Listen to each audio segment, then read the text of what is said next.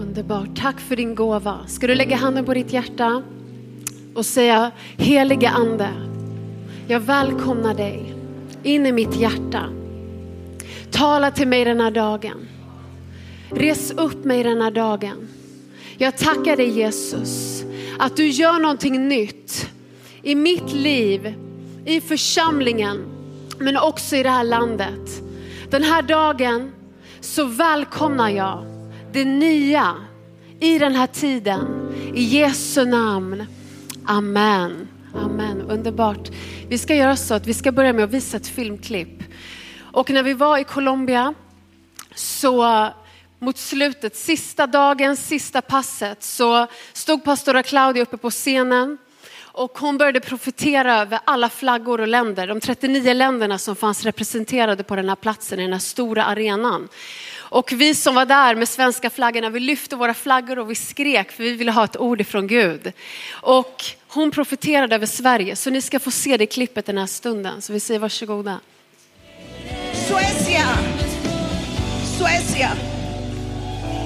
Algunos decían, la, la fe está muerta en Suecia.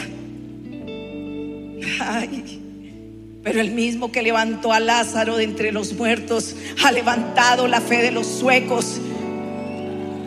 El mismo que estaba frente a la tumba de Lázaro, que, que hacía cuatro días había muerto. Que aún sus hermanas pensaban que el Señor se había olvidado de ellas. Una dijo, Señor, si tú hubieras llegado a tiempo. Y otro dijo, la otra dijo, Señor, sí creo en la resurrección, pero no para Lázaro. Pero quiero decir, Suecia resucitará a la fe genuina, a la fe bíblica, a la fe de la pureza, de los padres antiguos. Y Dios hará grandes cosas. Suecia resucitará. Aleluya. Creo que lo mejor está por venir. Creo que lo mejor Sträck sträcka ut din hand som att du talar över Sverige den här stunden. Jesus, den här stunden så talar vi liv över vårt land. Vi talar liv över Sverige den här dagen. Vi tackar dig att Lazarus är inte död. Sverige är inte dött. Utan vi tackar dig Jesus för uppståndelsekraften över vårt land. Ditt liv över vårt land Jesus. Vi tackar att du väcker tron i vårt land som aldrig förr. Vi bara profeterar frälsning över Sverige. En ny tid för Sverige i Jesu namn. I Jesu namn. Amen. Amen. Ska du säga till din granne, det är tid för vårt land. Underbart. Och jag skulle vilja höra här, har vi team Pansell här idag? Yes, har vi team Abraha här idag?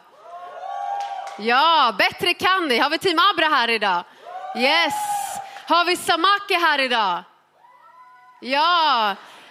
Har vi Felerström här idag? Har vi Munoz här idag? Yes, och så en stor applåd för alla som är här idag och kommit hit. Ge alla en stor applåd. Varmt välkomna. Det är en historisk dag, precis som vi fick höra här. Och jag vill bara påminna dig om det ordet som gick ut i samband med den konferens vi hade i höstas. Och det ordet var att det är en dubbel smörjelse över vår församling. Amen. Och nu idag så startar vi den dubbla gudstjänsten på söndagarna. Vi har faktiskt tre gudstjänster varje helg. Vi har också ett fredagsmöte. Så att Gud är god och precis som jag tror det var Samuel som sa det här, att när vi är tomma kärl, det är då Gud kan fylla. Och nu har vi tomma platser, det är för att Gud ska fylla de här platserna genom oss. Amen. Så vi kommer se två fulla gudstjänster inom kort. Amen. Vi hade kunnat vara bekväma och ha, ha det proppfullt här varje vecka och ha det hur skönt som helst. Men vet ni, det finns en skörd som väntar. Det finns människor som väntar, det finns behov. Och därför behöver vi göra utrymme och göra plats för att de här människorna ska kunna komma hit. Amen. Och jag kommer att dela ett ord med dig idag utifrån det tema som vi befinner oss i. Och jag vill att du ska säga rebuild the wall. På svenska, att bygga upp murarna. Och vi har varit i 90 dagar av kraft, precis som ni också fick höra här. Vi har sett så många mirakler. Vi har sett tvillingar som har fötts och människor som har blivit gravida med tvillingar. Det har varit helanden, det har varit familjers upprättelse. Gud har gjort så mycket. Men nu är vi i ett nytt tema och från den första februari fram till konferensen den 24 mars så är det exakt 52 dagar. Är det någon som minns vad som hände på 52 dagar i Bibeln? Var frimodig. vad hände på 52 dagar? Muren reses upp. Nehemja byggde upp murarna, Jerusalems murar som hade varit nedrivna på 52 dagar. Och vi tror att det här är ett profetiskt ord för den här tiden nu. Att de här 52 dagarna nu fram till konferensen ska Gud bygga upp någonting nytt. Amen. Gud ska bygga upp något nytt i ditt och mitt liv, i församlingen, men också i vårt land. Tror du det? Amen. Och Nehemja är ett sånt stort exempel för oss idag. Vi ska gå direkt till ordet. I Nehemja kapitel 1 och vers 2. Och han säger så här, jag frågade dem om judarna, de som räddats och som fanns kvar efter fångenskapen och om Jerusalem. Och de sa till mig, de som är kvar efter fångenskapen befinner sig i provinsen och lider stor nöd och vanära. Och Jerusalems mur är nedriven och portarna är nerbrända. Så de här fruktansvärda nyheterna når Nehemja att Jerusalems murar hade rivits ner, portarna var nerbrända, staden hade plundrats av fiendefolk, allt låg i ruiner och folket led. Och hur ofta slås inte du och jag av fruktansvärda nyheter? Vi fick höra här, vi bad för Turkiet, för Syrien den här veckan. Varje morgon man har knappt, knappt orkat ens i sitt hjärta att gå in och läsa om över 25 000 människor som har mist sitt liv. Det går inte ens att ta in. Vi slås av nyheter om nya sprängningar, om nya skjutningar. Vi slås av nyheter om ekonomisk brist, svårigheter, krig. Vi möts av det här varje dag, eller hur? Vi kan också mötas av negativa rapporter och nyheter i våra egna liv. Våra familjer, kanske sjukdomsbesked, kanske någon i din familj som mår dåligt. Vi möts ständigt av de här negativa rapporterna, men frågan är vad du och jag gör när de här negativa rapporterna kommer till oss. Och vi ska se vad Nehemjas respons var när den här rapporten kom till honom. För han klagar inte, han blir inte arg, frustrerad, han lägger sig inte under täcket och gömmer sig och hoppas på bättre tider. Nej, vi ska se två nycklar som han gör och som du och jag behöver göra i den här tiden. Och det första är att han ber. Kan du säga be? Bön var hans första respons. Och hur lätt är det inte för dig och mig när ett problem dyker upp, när sådana här negativa rapporter kommer till oss, att ofta så börjar man göra allt annat än att be. Men det är bara jag, eller hur? Man börjar tänka på det här problemet. Man kanske börjar grubbla på det här problemet. Man börjar se liksom de värsta scenarierna framför sig. Och många gånger kanske man till och med börjar försöka lösa det här problemet i egen kraft. Men bönen ska inte vara din och min sista utväg, utan bönen ska vara vår första respons. Amen. Nehemja han var en person som sökte Gud. Nehemja var en person som hade tagit in arken och Guds närvaro i sitt hem, i sitt liv. Och det du och jag aldrig får glömma det är att allt börjar på våra knän. Allt börjar i det fördolda livet med Gud, där det bara är du och Gud. Många gånger så vill vi se förändringar. Många gånger vill vi se lösningar. Hur många tycker om snabba lösningar? Man önskar att de skulle komma snabbt många gånger. Men vet ni, många gånger behöver vi, vi be fram de här sakerna. Och någonting som, som verkligen tog tag i mig nu i Colombia, det var en pastor som, som delade någonting som, hade, som pastor Cesar hade sagt till henne. Hon hade kommit till pastor Cesar och hon hade sagt så här, jag längtar efter att få se skaror av människor. Jag längtar efter att få se liksom, så många lärjungar utifrån mitt liv. Och han säger till henne, Skarorna finns inte där ute, skarorna börjar i dig. De måste finnas i dig. Allting börjar här i våra liv. Att det föds i vår ande, att det föds i vårt hjärta, att vi ber fram det. Att innan vi kommer se det i det fysiska behöver det ske här inne. Innan vi ser en, en full lokal här fysiskt måste vi se det här inne. Med vår andliga syn i vår ande och sedan be fram det med vår mun i tro. Amen. Och det är precis det Nehemja gör. I vers 4 så läser vi, så står det så här, när jag hörde det satte jag mig ner och grät. Jag sörjde i flera dagar och fastade och bad inför himlens Gud. Han gråter, han fastar, han ber dag och natt. Han ber till och med om förlåtelse. Fast han inte ens har gjort någonting. Men han ber om förlåtelse för sitt folks skull. För han förstår att de här nedrivna murarna det här landet som befinner sig i ruiner, det här folket som lider, var inte på grund av en fysisk tragedi, utan det här man förstod att det här var en andlig tragedi. Att på grund, att de här murarna var på grund av någonting. Folket hade vänt sig bort från Gud och därför hamnat i fiendens händer och i de här ruinerna på det här tragiska sättet.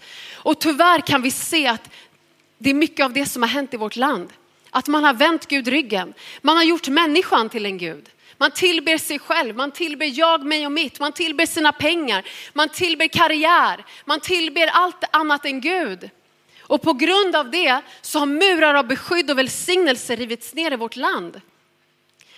Vi bad här i början av året, vi hade tre veckor av bön, eller hur? Men bara för att böneveckorna har slutat ska inte du och jag sluta be.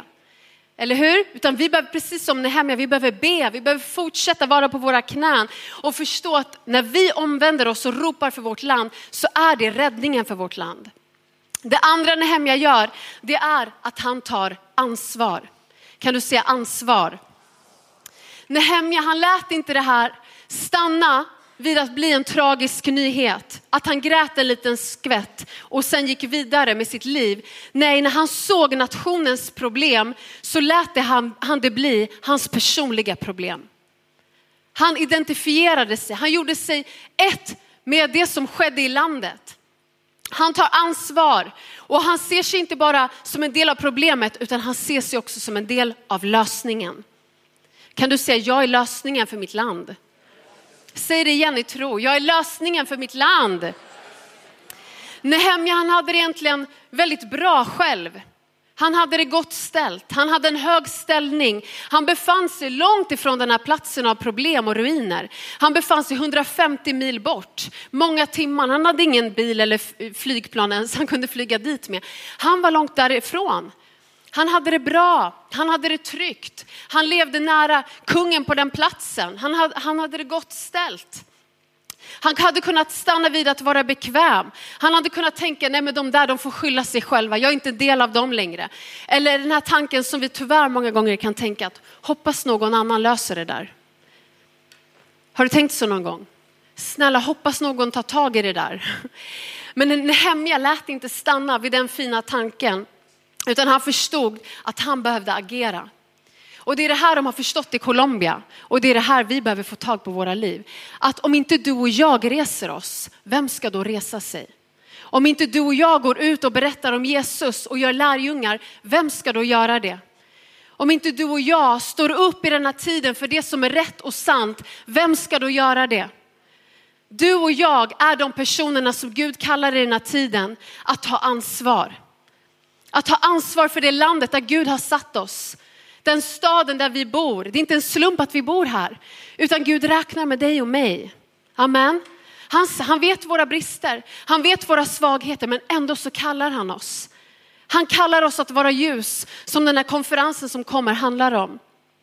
Och Nehemja, han tog ansvar. Han klev in, han lät sig bli använd av Gud. Inte för att upphöja sig själv, nej det var för landets räddning. Det var för nationens och människors räddning. Och det fanns säkert många andra som hade passat bättre för uppgiften. Har du känt så någon gång? Att man kanske inte tackar nej till saker för att, för att, liksom, eh, för att man eh, är rädd eller så, men man kanske tänker att någon annan kan göra det bättre än mig. Det fanns säkert många andra som var mycket bättre på att bygga murar än Nehemja. Men det fanns någonting som drev honom och det var behoven han såg. Han såg behoven och han, han tog ansvar. Och Jesus, han var likadan. Vi ska läsa ett bibelställe från Matteus 9, vers 35 till 38. Och det här är det ordet som jag står på när det, när det kommer till den visionen, G12-visionen som vi arbetar med. Och det står så här, Jesus gick omkring i alla städerna och byarna och han undervisade i deras synagogor och förkunnade evangeliet om riket och botade alla slags sjukdomar och krämpor. När han såg folkskarorna förbarmade han sig över dem, för de var härjade och hjälplösa som får utan herde. Och han sa till sina lärjungar, skörden är stor men arbetarna är få. Be därför skördens herre att han skickar ut arbetare till sin skörd. Jesus, han ser behoven, eller hur? Han ser att människor är slagna. Han ser att människor är sargade, att de är slagna som får utan herde. Och han säger här att det behövs arbetare. Han säger inte be för skörden, utan han säger be om arbetare för skörden. För Jesus förstår en sak och det är att det behövs arbetare i den här tiden. Behoven finns, skörden finns, men vilka ska gå ut och göra arbetet? Och det jag älskar är det som Jesus sen gör. Vi kan gå vidare till kapitel 10. Vad är Jesus praktiska respons? Vad är Jesus lösning på det här problemet, på alla de behoven som finns? Vi vet att han sen går till korset som är vår segerplats där vi får ta emot helande och frihet och allt det här. Men vad är det praktiska som Jesus gör utifrån de behoven han ser? Jo, vi ser kapitel 10. Rubriken är Jesus sänder ut de tolv. Vers 10. Jesus kallade till sig sina tolv lärjungar och gav dem makt att driva ut orena andar och att bota alla slags sjukdomar och krämpor. Behoven drev Jesus att resa upp ett team av tolv. Jesus förstod att jag kan inte göra allt det här. Jag kan inte möta alla de här människorna. Jag kan inte hjälpa alla. Jag behöver ett team. Om Jesus behövde ett team, hur mycket mer behöver inte du och jag ett team? Eller hur? Behoven i vår stad, behoven i vårt land, det är det som driver oss att göra visionen. Det är det som driver Colombia att göra visionen, att göra det de gör, att resa upp lärjungar i den här tiden. För vi behöver arbetare till skörden. Nehemja, han såg de här behoven och han gav sitt ja. Vi fick höra här så underbart att vi behöver förnya vårt ja. Vi behöver förnya vårt ja och förstå att ditt och mitt ja gör skillnad för generationer av människor. Någonting som också märkte mig i Colombia, det var så starkt att få komma till den här platsen, samma plats som pastor Bror Spets tillsammans med våra älskade pastorer åkte till för 20 år sedan för att hämta hem den här visionen. De stod exakt på den platsen och de gav sitt ja. De tog det här, de visste att det skulle inte bli lätt. De fick beräkna kostnaden och de har betalat ett pris. Men på grund av deras ja så sitter du och jag här idag. Någonting annat som var så gripande det var att pastora Claudia, hon var väldigt personlig under ett möte. Hon berättade om hur hon kämpade i sitt liv. Hon hade sån fruktan för att bli använd av Gud. Hon hade sån fruktan för att tala inför människor, att predika, att tjäna Gud. Hon berättade hur det bara var hennes man, pastor Caesar, som gjorde tjänsten. Han hade massa lärjungar, han predikade, han reste och hon, hon gjorde ingenting utan hon stod vid hans sida. Hon var jättenöjd med det, hon tyckte det var fantastiskt. Hon berättade att, att gå på pastorsmöten det var en, attack mot henne, en attack mot hennes liv. Och hon försökte alltid säga till sin man att snälla jag vill inte gå dit. Men han sa du ska vara med mig där, du ska vara med mig. Och hon blev utmanad att predika, att ha en stor outreach för över 20 000 kvinnor. Och det var en sån, hon berättade så, så innerligt att det var en sån kamp för henne. Hon stred, hon kämpade med fruktan i sitt liv. Under sex månader förberedde hon sig för det här tillfället. Och, och hon sa till sin man, snälla du åker väl med mig dit? Och han sa absolut inte, det här är, det är du som ska göra det. Det är du och Gud nu. Och hon bara väljer att ge sitt ja. Hon väljer att gå upp där på plattformen och göra det som hon minst av allt egentligen vill, ville och kände för. Men hon ställer sig där, hon predikar för över 20 000 kvinnor och 3 000 kvinnor kommer fram och tar emot Jesus. Och när hon står där, hon har inte en enda lärjunge, men den helige ande säger till henne att om du ska kunna göra det här så behöver du ett team av 12. Och hon tänker, vilka ska jag ta? Liksom, jag har inga lärjungar. Så hon, när hon kommer på att, just det, min pastor, min man, han har ju tolv män. Och så började hon tänka, vilka är deras fruar? Hon kunde inte ens namnet på alla de här kvinnorna.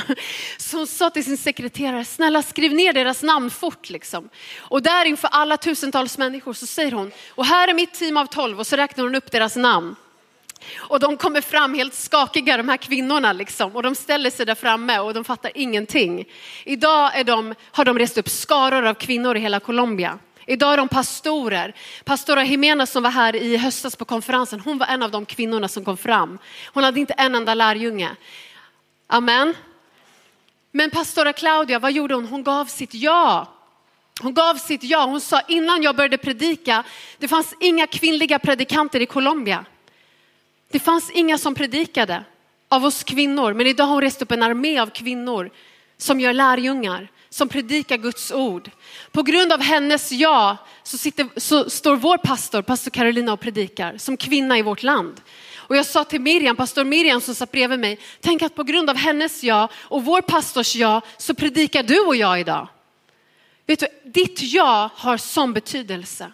Och vi ser det kanske inte här och nu när vi fattar det beslutet. Men Gud ser den stora bilden. Amen. Våga ge ditt ja. Våga gå ut på vatten. Våga vara den här personen som tar ansvar och låter Gud använda ditt liv. Och Nehemja han får favör, han ber och han får favör från Gud. Han reser till Jerusalem. Jag hinner inte gå in på alla detaljer idag. Men han är där några dagar, han, han går där, han förbereder platsen, han, han inspekterar, han, han, jag är övertygad om att han går och ber där, precis som vi hade bönevandring här för någon vecka sedan i Stockholm. Men sen så samlar han folket och han säger i kapitel 3, vers 17, ni ser den nöd vi är i. Jerusalem ligger öde och portarna är nerbrända. Kom och låt oss bygga upp Jerusalems mur så att vi inte behöver bli föraktade mer. Jag talade om för dem hur min Guds goda hand hade varit över mig och vad kungen hade lovat mig. Då sa de, låt oss stå upp och bygga och de fattade mod för det goda verket. Amen. Vad gör Nehemja? Han har bett, han har tagit ansvar, han har åkt dit nu i tro. Och vad gör han? Jo, han överför den här nöden och visionen till folket. Han ger dem den stora bilden. Han säger, ni kan inte acceptera den här situationen. Vi kan inte acceptera det här läget när vi behöver lyfta vår blick och se att det finns ett högre syfte. Gud har kallat oss till någonting större än det vi ser här och nu. Och vet ni, samma sak behöver du och jag göra i den här tiden. Vi ser saker i det naturliga, men vi behöver lyfta vår blick och förstå att Gud har en högre plan. Att han har ett syfte för våra familjer, att han har ett högre syfte för vårt land. Amen. Vad gör Nehemja mer? Jo, han reser upp ett team. Han förstår att jag kan inte göra det här själv. Vad gör han? Han insätter människor i funktion. Han sätter rätt person på rätt plats och hela folket ansluter sig. Barn, unga som gamla, alla är med och gör det här tillsammans. Amen. Och jag älskar det här och det är det här som den visionen vi, vi gör. Det är precis det här det är, att vi alla är med. Vi alla är med och bygger. Vi alla är med och utbreder Guds rike. Ung som gammal. Vi alla behövs. Amen. Vi gör det här tillsammans. We are one, eller hur? Amen. Och vad är det mer som, som vi kan se? Vi kan också se att Nehemja är så fokuserad. Det var också någonting vi fick höra mycket av i Colombia, att vi behöver vara fokuserade. Visst är det lätt att bli distraherad? Det är också bara jag. Vi kan så lätt bli distraherade. Och det kom olika typer av motstånd mot Nehemja och mot det här bygget. Och det, vi, vi hinner inte läsa om allt det och sätta oss in i det. Men det kom fiender som, som kom och föraktade, som kom och hånade, som försökte skrämma, som försökte få dem att ge upp. Och som också försökte distrahera dem. Och det står i Nehemja kapitel 6, vers 2-4. Då sände Samballat och Geshem bud till dem och lät säga kom, låt oss träffas i Kefiri med Onos dal. De tänkte göra något ont mot mig. Men jag skickade bud till dem och lät säga, jag håller på med ett stort arbete och kan inte komma. Varför stoppa arbetet medan jag lämnar det och kommer ner till er? Samma budskap sände de till mig fyra gånger, men varje gång gav jag dem samma svar. Vad försökte fienden göra? Fienden försökte lura Nehemja bort från bygget. Fienden försökte få honom till en plats där de kunde döda honom till slut. Men Nehemja han hade sånt fokus. Jag ska bygga upp den här muren. Det fanns ingenting som kunde få honom att se åt höger eller vänster. Han lät sig inte distraheras, han lät sig inte skrämmas en sekund. Vet du, du har en fiende som försöker få dig att fokusera på allt annat än det som Gud har sagt. Du och jag, vi har en fiende som vill få oss bort från bygget. Bort från bygget av församlingen. Bort från att bygga upp din och min familj. Men också bort från att bygga upp det här landet. Att utbreda Guds rike.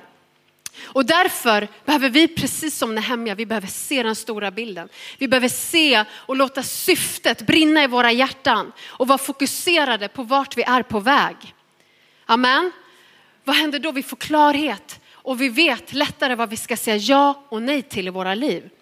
Och Nehemja han vägrar att ge upp. Trots allt som kommer emot honom, trots alla påtryckningar. Vad säger han i kapitel 4, vers 20? Vår Gud ska kämpa för oss. Vår Gud ska kämpa för oss. Om Gud är för dig, vem kan då vara emot dig? Amen.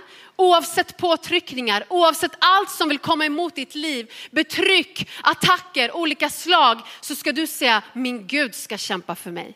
Jag kommer inte släppa det här bygget. Jag kommer inte lägga ner mina vapen, mina verktyg när jag ska bygga upp murarna runt min familj. Jag ska bygga upp murarna i min församling. Jag ska bygga upp murarna runt det här landet.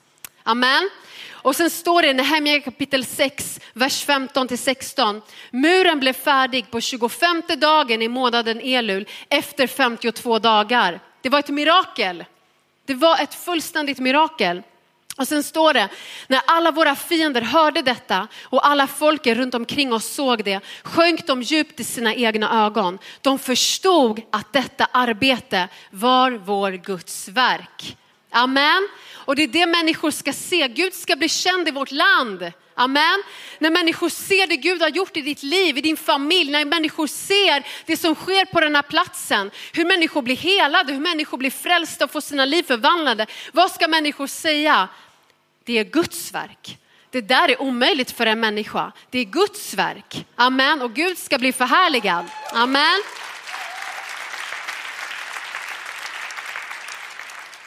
Amen. Vad kommer då murarna med? Jag ska bara gå igenom det snabbt för dig. Vad, vad står murarna för? Och det här ska du se och jag ska se det här i våra familjer men också i vårt land. Det första som murarna kommer med det är beskydd. Kan du säga beskydd? Murar, de skyddar, de försvarar från yttre påtryckningar och fiender. Det står i Nehemja 7, vers 3. Ni ska sätta ut sådana som bor i Jerusalem som vakter, var och en på sin post och var och en framför sitt eget hus. Vet du att du är en väktare för ditt hus? Du är en väktare för din familj. Du är en väktare för ditt hjärta, för ditt liv. Du har ett liv som du förvaltar som du behöver bygga upp ett beskydd runt om. Amen. Vi behöver resa upp beskyddet av Jesu blod runt våra familjer varje dag. Jesu blod runt våra hem, runt våra barn, runt våra äktenskap, runt våra, släkti, våra släktingar. Amen. Så vad står det i Jesaja 54? Vers 11 till 14. Du arma, så drabbad av stormar utan att få någon tröst. Nu ska jag mura dina stenar med spetsglans och lägga din grund med safirer. Jag ska göra dina tinnar av rubiner, dina portar av kristall och hela din ringmur av ädla stenar. Alla dina barn ska bli Herrens lärjungar och dina barns frid ska vara stor. I rättfärdighet ska du bli befäst. Förtryck ska vara fjärran från dig. Du har inget att frukta. Amen. Skräcken ska vara borta, den ska inte komma dig nära. Amen. När vi ber, när vi tar in arken i våra hem, när vi väljer att leva genom blodet, genom korset, leva i Guds vilja och också gör lärjungar, tjänar Gud. Vad händer? Vi reser upp murar av beskydd runt våra liv. Men också, det påverkar inte bara oss, det påverkar området där vi bor. Det påverkar vår stad och det påverkar vårt land. Amen. Och jag vill skicka med dig en utmaning den här dagen. Tycker du om utmaningar? Ja. Och jag, jag, vill utmana dig. Hur många har vi som är pappor här först och främst? Amen. Du är en beskyddare för din familj. Du är en beskyddare. Och jag vill utmana dig först och främst som pappa för din familj att varje söndag kväll börja ta nattvard med din familj. Att samla din familj i ditt eget hem och ta nattvard, måltiden tillsammans. Det kan vara så enkelt, men att samla sin familj i slutet av veckan, betjäna sin familj, men också inför den veckan som kommer, bara be tillsammans som familj. Bara välkomna Guds närvaro, arken in i hela ditt hem. Amen. Och vi andra, du som inte är pappa eller familjefader, du kan göra samma sak. Och antingen kanske du har familjemedlemmar som du kan samla, din pappa kanske inte går med Gud än, men du kan vara den personen som gör det i din familj. Amen. Tills din pappa kan börja göra det. Är du med på det? Att ta nattvard tillsammans. Och vet du vad du kommer göra? Det reser upp en mur av beskydd runt din familj. Amen. Vad kommer murarna mer av med? Jo, murar kommer med ordning. Kan du säga ordning? Det kommer med trygghet och stabilitet. Det står i Ordspråksboken 25 och 28, som en nerbruten stad utan murar är den man som inte kan styra sitt sinne. Och i, i engelska så står det att, att när man inte har självkontroll så bryts murarna ner i våra liv. Nehemja, vad gjorde han? Han insatte inte bara en fysisk mur och åkte sen hem till sin, till sin stad och sitt hem. Nej, man kan se när man läser vidare hur han tillsammans med gudsmannen Esra, hur de reste upp andliga ordningar som hade varit ödelagda under lång tid. Det står att de läste upp lagen, Guds ord inför folket. Folket bekände sina synder, de lovsjöng Gud, de förnyade sitt förbund, de införde givandet igen med tionde offer. Och Nehemja, vad gjorde han? Han övervakade allt detta. Han insatte rätt person på rätt plats. Han förstod att det behövdes ordning. Att om inte det fanns ordning, andliga ordningar och fysiska ordningar så skulle inte den här muren stå uppe länge till ändå utan det behövs ordning. Och jag tror att det är en tid av ordning i våra liv. Kan du säga amen? vad, vad, behövs? Vi behöver ha rätt prioriteringar, prioriteringar i våra liv. Vi brukar tala om de fem prioritetsordningarna. Min relation med Gud, mitt personliga liv, min familj, min tjänst för Gud och mitt profana liv. Vet ni, allt det här behöver vara i ordning i våra liv. Vi behöver ha rätt vanor i våra liv. Vi behöver ha vårt böneliv i ordning. Amen. Allt det här är så viktigt, men vi ska också i Jesu namn se ordningar på plats i vårt land. Amen. Vi ska se ordningar i polisväsendet. Vi ska se ordning i vårt samhälle. Amen. Och det jag också älskar det är att visionen kommer med ordning. Amen. Att det finns en strategi för att göra missionsbefallningen. Att det finns en ordning. Och där det finns ordning, där kommer trygghet, där kommer frid. Vi går vidare. Det tredje och sista, det är att muren är en bild på styrka. Kan du säga styrka? Muren är en bild på upprättelse, på resning. Och det står i Jesaja 58 och 12 att du ska kallas den som murar igen sprickor. Den som återställer stigar så att man kan bo i landet. Amen. Du är den personen. Gud ska komma med en ny styrka över ditt liv. Han ska komma med en ny styrka över din familj. Du kanske känt att ni har slagits av svaghet på olika områden. Vet du, Gud ska resa upp murarna som kommer med styrka. Amen. Murarna är också en bild på förbön. Att vi är väktare på muren. Det står i Hesekiel 22.30. Jag sökte bland dem efter någon som skulle bygga en mur och ställa sig i gapet inför mig till försvar för landet så att jag inte skulle fördärva det. Men jag fann ingen. Vi behöver gå upp som väktare på muren. Vi behöver stå och vaka över våra familjer, över vår stad, över vårt land och be, precis som pastora Claudia profeterade över Sverige, så kan du och jag profetera över våra liv, över våra familjer och över Sverige. Amen. Så Gud han kallar oss, vi kan ha någon som spelar här, han kallar oss att vara hemliga personer i den här tiden. Och den här dubbla gudstjänsten, jag vill att du ska se och förstå att det är inte bara en ny tid liksom, som, som vi ska ha en gudstjänst och vara underbart. Nej, det här är en profetisk tid. Det här är en ny tid där någonting nytt föds fram. Amen. En ny dubbel smörjelse. Vi ska se något helt nytt. Du ska se något helt nytt över ditt eget liv. Du kan bara stå upp den här stunden. Gudstjänsterna vi har här, stiften, de tolv stiften där vi ska starta församlingar, det handlar om landet. Det handlar om att resa upp de här murarna av beskydd och välsignelse och frälsning för vårt land. Och murarna, det handlade inte bara för Nehemja om en fysisk mur, utan det handlade om någonting så mycket mer. Det handlade om att människor skulle komma tillbaka till Gud. Och vad är det vi bygger med? Vi vet alla här, du kommer inte gå ut här nu och få en tegelsten i din hand som du ska gå och bära och bygga med, eller hur? Utan vad står det i första Petrus brev kapitel 2, vers 5? och låt er själva som levande stenar byggas upp till ett andligt hus. Ett heligt prästerskap som ska bära fram andliga offer som Gud tar emot med glädje genom Jesus Kristus. Du och jag är de här stenarna. Människor är de här stenarna. Vad är det vi bygger på? Vi bygger på människor. Gud har kallat oss att gå ut och vinna människor. Att resa upp dem till lärjungar.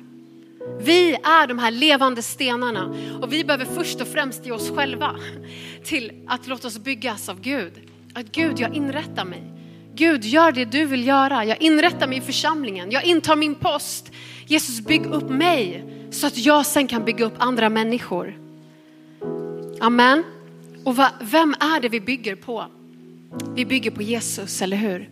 I samma vers så står det kom till honom, den levande stenen, förkastad av människor men utvald och dyrbar inför Gud.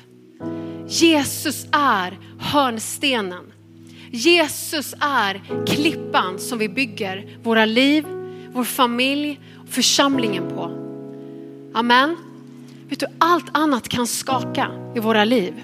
Bibeln säger att allt kommer skaka. Men det finns en som är evig och det är Jesus. Hans ord är evigt. Han vacklar aldrig utan han är densamme igår, idag och i evighet. Den här veckan har vi fått höra om en fysisk jordbävning. Men vet ni, många gånger kan det faktiskt vara jordbävning i våra egna liv. Det kan skaka i våra sinnen, det kan skaka i våra själar, det kan skaka i vår hälsa, det kan skaka i vår ekonomi, det kan skaka i våra relationer. Men vet du, Jesus skakar aldrig. Och därför behöver vi bygga våra liv på honom. Amen. Så bara stäng dina ögon den här stunden. Och jag vill bara börja och fråga dig som är här och som inte känner Jesus. Idag är din dag och en möjlighet för dig att ta emot Jesus i ditt hjärta. Att säga ditt ja till honom. Du som är här, du som aldrig tagit emot Jesus, du som inte känner honom. Det är det första steget. Det är det första steget för att leva i den här stora drömmen. Att leva i de här höga, stora planerna och tankarna som Gud har för ditt liv.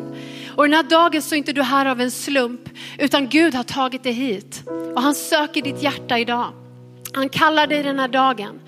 Först och främst som en son och som en dotter så kallar han dig till att komma till honom. Jesus, han dog på korset för din skull. Han tog all din synd, allt det som skilt dig från Gud, allt mörker, all smärta. Han tog det på sig på korset för att du ska kunna komma till honom och ha en levande relation med honom. Jesus är verklig, Jesus är på riktigt och han är här idag för att möta dig. Så medan vi alla bara blundar, låt det här vara en stund mellan dig och Gud.